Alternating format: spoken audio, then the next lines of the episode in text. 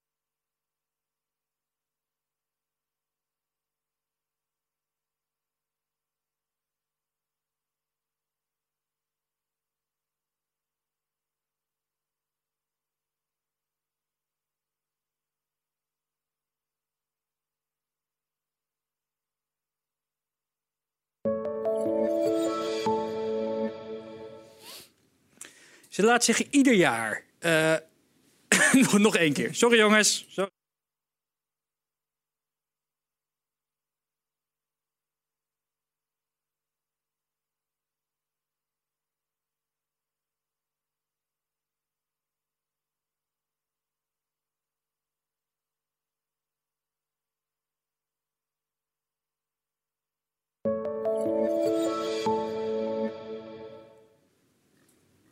Ze laat zich ieder jaar vrijwillig 12 uur lang opsluiten in een hok van 2 bij 1 meter. En ze is niet de enige. Van Tim Hofman tot Thomas Bergen en zelfs Tony Robbins. Ze dragen allemaal hun steentje bij aan Free a Girl. Hoe de stichting het is gelukt om meer dan 4.500 meisjes te bevrijden uit de illegale prostitutie. En hoe ze dit jaar meer dan een miljoen euro willen ophalen met hun Lock Me Up actie. Dat vertelt vandaag mijn gast, directeur en medeoprichter van Free Girl, Evelien Hulsken. Evelien, welkom. Dankjewel. Het is goed dat we je hebben, want je zou eigenlijk op een vlucht naar Irak zitten op dit moment. Ja, klopt. Ja. Er was, eh, er was een beetje een eh, wijziging qua um, vertrektijden. Dus uiteindelijk moest ik iets omgooien om hier toch uh, toch te kunnen zijn. Ja, in Irak, het is niet echt de meest uh, gebruikelijke vakantiebestemming. Wat ging je daar doen? Nee, ik ga, er ook geen, ga ook niet op het strand liggen. Nee. nee, het is best wel een spannende missie. Want um, wij werken sinds kort in Irak. Nog niet uh, sinds één of, één of twee jaar. En wat we eigenlijk doen is, wij staan meisjes bij... die um, in 2014, Yazidi-meisjes door IS zeg maar, zijn uh, ontvoerd. En als seksslaven zijn uh, misbruikt en nog steeds worden, worden, worden misbruikt door um, ja, diverse uh, IS-strijders. er zijn er tot heden drie, 3000 zijn er bevrijd. Nou, die staan wij bij, zeg maar, met juridische steun. Want er moet ooit een keer internationaal tribunaal komen. De meeste van die meisjes wonen nu in vluchtelingenkampen. Uh, en daarnaast ga ik mee met een, met een, uh, ja, met een groep Amerikanen die uit, uiteindelijk daar het echte werk doen. Dus wat zij doen is, ja, zij bevrijden ook daadwerkelijk die meisjes die nu in handen van IS zitten. Dus dat is natuurlijk levensgevaarlijk. En ik uh, ja, ben heel blij dat ik met hun in contact ben gekomen... en dat ik met ze mee mag gaan. Ja, wat, wat ga jij daar doen? Want ik ja, kan me niet voorstellen dat je zelf met getrokken geweren... die, uh, nee, het, die huizen het, binnengaat. Het, het, is eigenlijk een beetje... Um, dit klinkt niet... Ik hoop niet dat dit te naïef overkomt... want ik, ik ben daar goed beschermd, et cetera. Maar hoe precies die dagen eruit zien daar met hun... dat weet ik niet precies. Ik weet wel dat ik natuurlijk zelf niet uh, undercover zal gaan... Maar zij zullen mij wel diverse dingen laten zien die ze al hebben gedaan. En hoe ze zeg maar te werk gaan om, uh, ja, om hun werk te kunnen doen. Dus dat is wel uh, bijzonder. Want wij zijn een hele activistische organisatie. Dus ik was al heel lang op zoek naar echt een club die daadwerkelijk dit werk deed. Omdat we weten dat er nog steeds 3000 meisjes gewoon kwijt zijn. Dus, uh, en ja, die dagelijks zeg maar uitgebuit worden. Dus dat is verschrikkelijk. Je hebt tien jaar geleden Free Girl opgericht. Je werkte daarvoor al veel langer eigenlijk in de non-profit sector. Ja. Wat is nou het meest, uh, de meest voorkomende fout die mensen maken als ze het hebben over, uh, over of de denkfout die ze maken als ze het over die non-profit sector hebben? Nou, dat, dat we eigenlijk maar wat doen. ja, dat is, dat is best vaak zo. En in het verleden was het, um, was het ook zo dat allerlei mensen ons um, heel goed bedoelde adviezen willen geven. Maar we zijn uiteindelijk gewoon een bedrijf. Net zoals ieder bedrijf dat is. Dus, uh, dus we weten ook echt wel waar we mee bezig zijn. Alleen zeg maar, de winst die wij maken, die gaan naar, naar, naar, projectpartners. Maar voor de rest ben je, ben je eigenlijk heel erg commercieel bezig.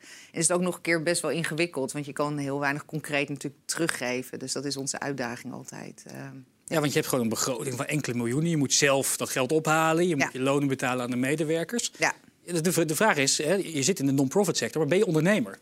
Ja, ik vind, ja, ik vind dat, dat uh, in ieder geval als ik ook voor mezelf spreek, maar ook voor mijn team, ja, wij zijn echt wel uh, hardcore ondernemers. Um, omdat. Um, maar dat snapt niet iedereen zo. Nee, het geld komt niet vanzelf. Dus het is, het is, het is zo dat wij um, alleen van de Nederlandse overheid een uh, x bedrag elk jaar krijgen voor vijf jaar. En voor de rest is het. Uh, ja, 1 januari begint allemaal weer opnieuw, uh, het hele circus. Dus dan moet je toch weer elke keer met ideeën komen.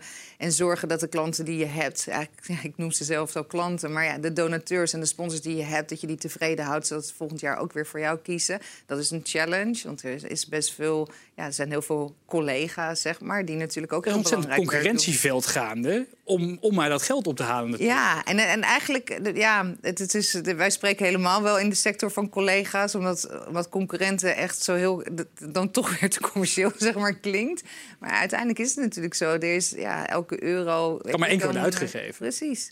Dus het is, en er zijn volgens mij in Nederland iets van 26.000 stichtingen die een ambi-keurmerk hebben. Dus mm -hmm. dat wil al zeggen dat zij aan bepaalde eisen voldoen om een goed doel te kunnen mogen zijn. Wat voor eisen zitten daarin bijvoorbeeld? Nou ja, je moet, je moet in ieder geval um, zorgen dat je een, uh, al, al, een goed beleidsplan zeg maar, hebt. Dat het uh, uh, um, directie en bestuur gescheiden zijn, of raad van toezicht. Dat er in ieder geval een orgaan is wat toezicht houdt op. Je moet een hele transparante boekhouding hebben, et cetera. Dus er zijn een aantal eisen en dan ben je een ambi. En daarnaast heb je nog een keurmerk en dat is CBF. En dat is best, dat is best moeilijk om, om te halen. En dat heeft dan ook heel erg te maken met je resultaten. En zorgen dat de verhouding tussen kosten, zeg maar, en, um, en ja, opbrengst. En ja, dat is ook in ons geval zo dat dat in verhouding is.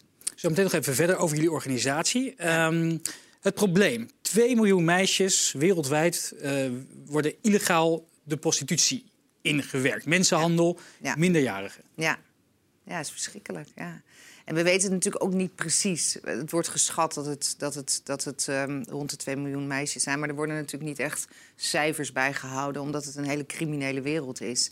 Het zijn, het zijn boekhouding bijgehouden van nee, bedrijven. Nee, precies. zoveel. Nee, het enige wat je op een gegeven moment kan zien. Wij zijn nu tien jaar in, in India heel erg actief. Dat er in bepaalde steden dat daar eigenlijk geen minderjarige meisjes meer worden gevonden. En dat is fijn, want als wij ze niet vinden, betekent dat klanten ze ook niet vinden. Dat wil niet zeggen dat ze er helemaal niet meer zijn. Maar het aanbod uh, creëert natuurlijk ook vraag. Dus dat zijn al mooie stappen die je kan zetten. Want geografisch gezien, waar zitten deze? Uh, waar, waar, waar zit het grootste probleem? Nou, het grootste probleem zit in India. Uh, daar wordt geschat dat er 1,2 miljoen meisjes um, uh, gedwongen worden in de prostitutie. Minderjarig, minderjarig zijn, inderdaad. Zijn natuurlijk ook meerderjarigen, maar wij, uh, wij focussen ons echt op kinderen. Um, ja, dus dat is alleen India. Nou, er is heel veel handel tussen de omringende landen. Dus dan kan je denken aan Nepal en Bangladesh. Dat is een soort driehoek van trafficking in, in kinderen en meisjes. Um, Thailand is een, is een land, daar zijn we dan ook uh, actief, waar het probleem heel groot is. En dan ook weer met, met meisjes bijvoorbeeld uit de omringende landen. China, Cambodja, Laos, Burma.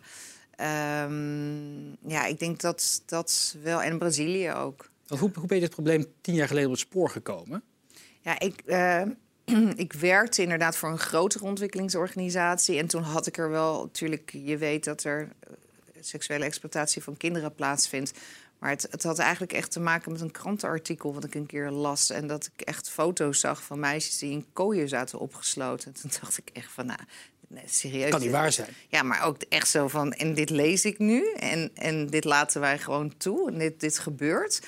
En ik was daar... ehm, soms heb je, heb je dat je artikelen leest en die zijn echt zo verschrikkelijk. En dan leg je ze daarna weer weg of zo. Dat je ook denkt van wat kan ik hier aan, nou aan doen.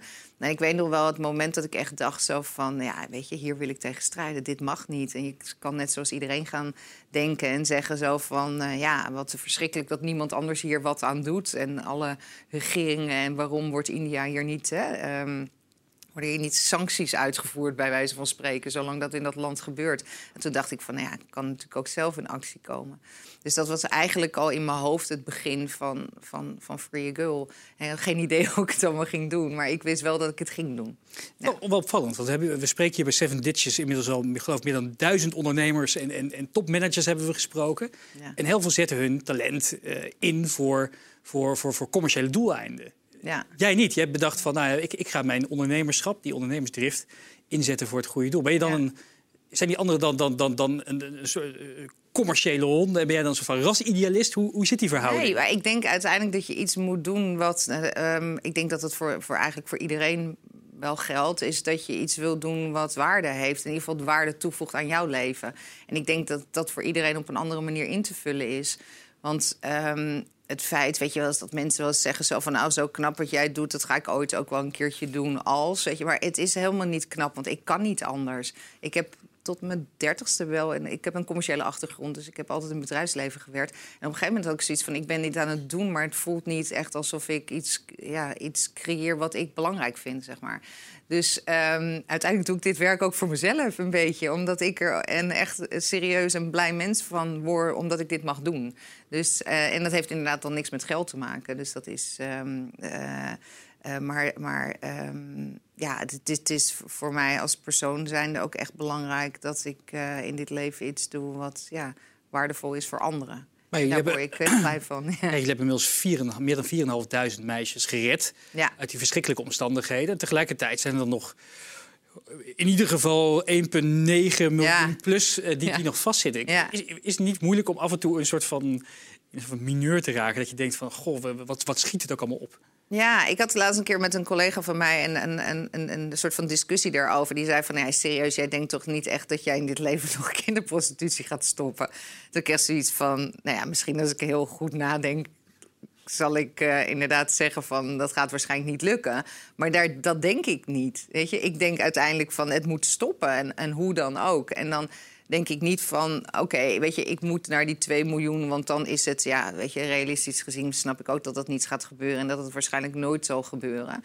Maar dat is wel het doel. Want als je zegt van, ja, ik vind het ook goed om 10.000 meisjes te bevrijden... nee, want je wil dat het probleem, zeg maar, stopt en dat het eindigt. Dus je blijft gewoon wel naar die 2 miljoen, zeg maar, gaan... zonder dat, je, ehm, ja, eh, zonder dat ik dan teleurgesteld ben dat het niet gaat lukken. Want ja, Of niet hard genoeg gaat? Ehm, ja, dat ook. Ehm, in de afgelopen tien jaar leer je natuurlijk ook heel veel. Aan het begin denk je van, nou, weet je wat we gaan doen? We gaan bevrijdingsteams gaan we steunen en we gaan die bordelen in, want dat is het allerbelangrijkste. Nou, nog steeds.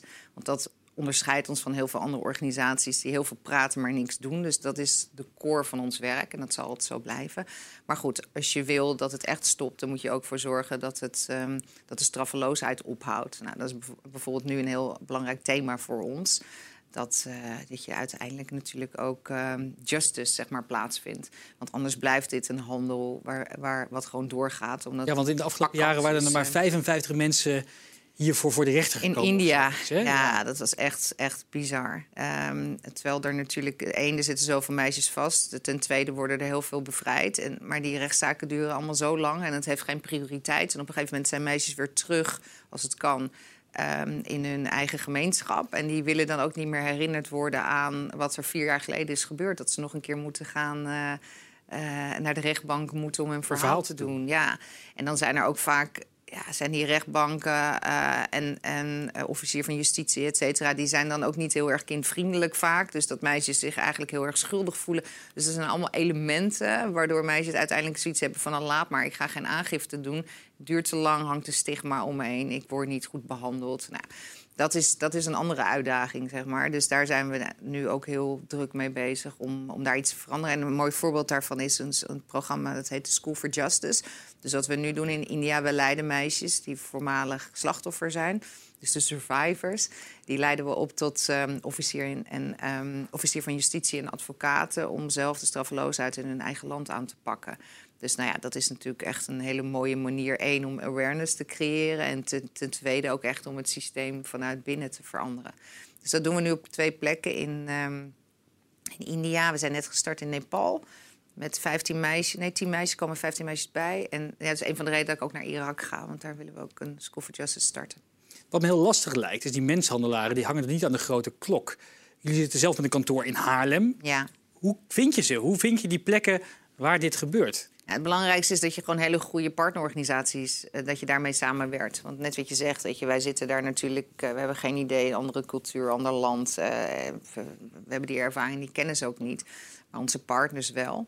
Dus het is, um, het is heel belangrijk. Um, en wat gebeurt er dan als ze iemand op het vizier hebben? Ze komen erachter dat blijkbaar in een achterbuurt van stad, straat, dorp X uh, uh, dit soort dingen zouden kunnen gebeuren. Wat doen ze vervolgens? Nou, het is ook vaak dat ze actief op zoek gaan. Dus ze doen zichzelf voor als klant. Mm -hmm. Dus ze gaan bordelen in en vragen dan echt om minderjarige meisjes. Mm -hmm. En als ze die uiteindelijk... Um, als ze met zo'n meisje naar zo'n hokje zeg maar, gaan... Dan, dan proberen ze het vertrouwen van haar te winnen worden er ook video-opnames gemaakt en gezegd zo van ja, we zijn hier om jou te helpen. Heel vaak geloven meisjes dat helemaal niet, want die zijn al heel vaak doorverkocht en die zijn als de dood om mee te werken. Nou, en zo'n klant komt dan, klant, komt dan uh, meerdere keren terug. En als het, um, en dan als het goed is, gaat ze ook vertellen waar de andere meisjes zitten. En ook als er een inval is of politie komt, waar ze dan verstopt worden. Nou, dat wordt allemaal voorbereid en dan vindt er een uh, inval plaats. En dat is altijd in samenwerking met de politie. Alleen worden die pas op het laatste moment getipt, omdat sommige politieagenten helaas ook corrupt zijn. Dus dan kan zo'n hele inval kan dan mislukken. Ja, en dan, um, dus onze partners kunnen nooit iets doen zonder, of, uh, zonder um, uh, justitie en politie. Dus, um, dus dat is ook alleen maar goed. Dus alleen zij gaan zelf niet actief op zoek naar meisjes, omdat dat toch minder prioriteit heeft. Ja. Hoe, hoe, groot is jullie organisatie? Wat dragen jullie jaarlijks bij, financieel gezien, aan dit soort, uh, aan dit soort organisaties? Um, ja, wij hebben, poef, ja, dat hangt een beetje van het jaar af. We zitten rond de 2,5 miljoen, zeg maar, mm -hmm. qua um, uh, begroting of wat we omzetten. En daarvan gaat 85% naar de doelstelling. Dus dat is het, uh, het doel. En die andere 15% zijn kosten. En hoe kom je aan die 2,5 miljoen euro? Waar komt dat grotendeels vandaan? Je noemde net al even een kleine bijdrage van de overheid. Ja, we hebben eenmalig een schenking gekregen van de Postcode Loterij. Mm -hmm. Maar die is bijna op. dus als ze kijken. Precies, ja. We hebben weer een aanvraag ingediend. Dus we horen het in de eerste week van maart. Dus we zijn, het zou echt heel fijn zijn als we dan echt vaste beneficiënt zouden ja. worden. Uh, want zoals ik net al zei, dat is elke keer wel weer een uitdaging. Um, verder heel veel van uh, stichtingen en vermogensfondsen. Dus dat zijn, die zijn vaak ook gele geleerd aan het bedrijfsleven. Uh, maar sommige ook niet. En dat zijn ook anonieme fondsen. Die mogen we ook niet vertellen dat we daar geld van, uh, van krijgen. Um, uh, ja, bedrijfsleven. En Want je vertelde, um, voor 50 euro kunnen jullie een meisje redden. Ja. Hoe heb je die berekening gemaakt? Ja, dat zijn eigenlijk de kosten van uh, de bevrijding op zich. Dus ook van de informanten, mensen die erachter zitten. Mm -hmm. Want sommigen krijgen dan ook betaald per meisje wat ze, wat ze vinden. En de hele research die eraan vooraf gaat.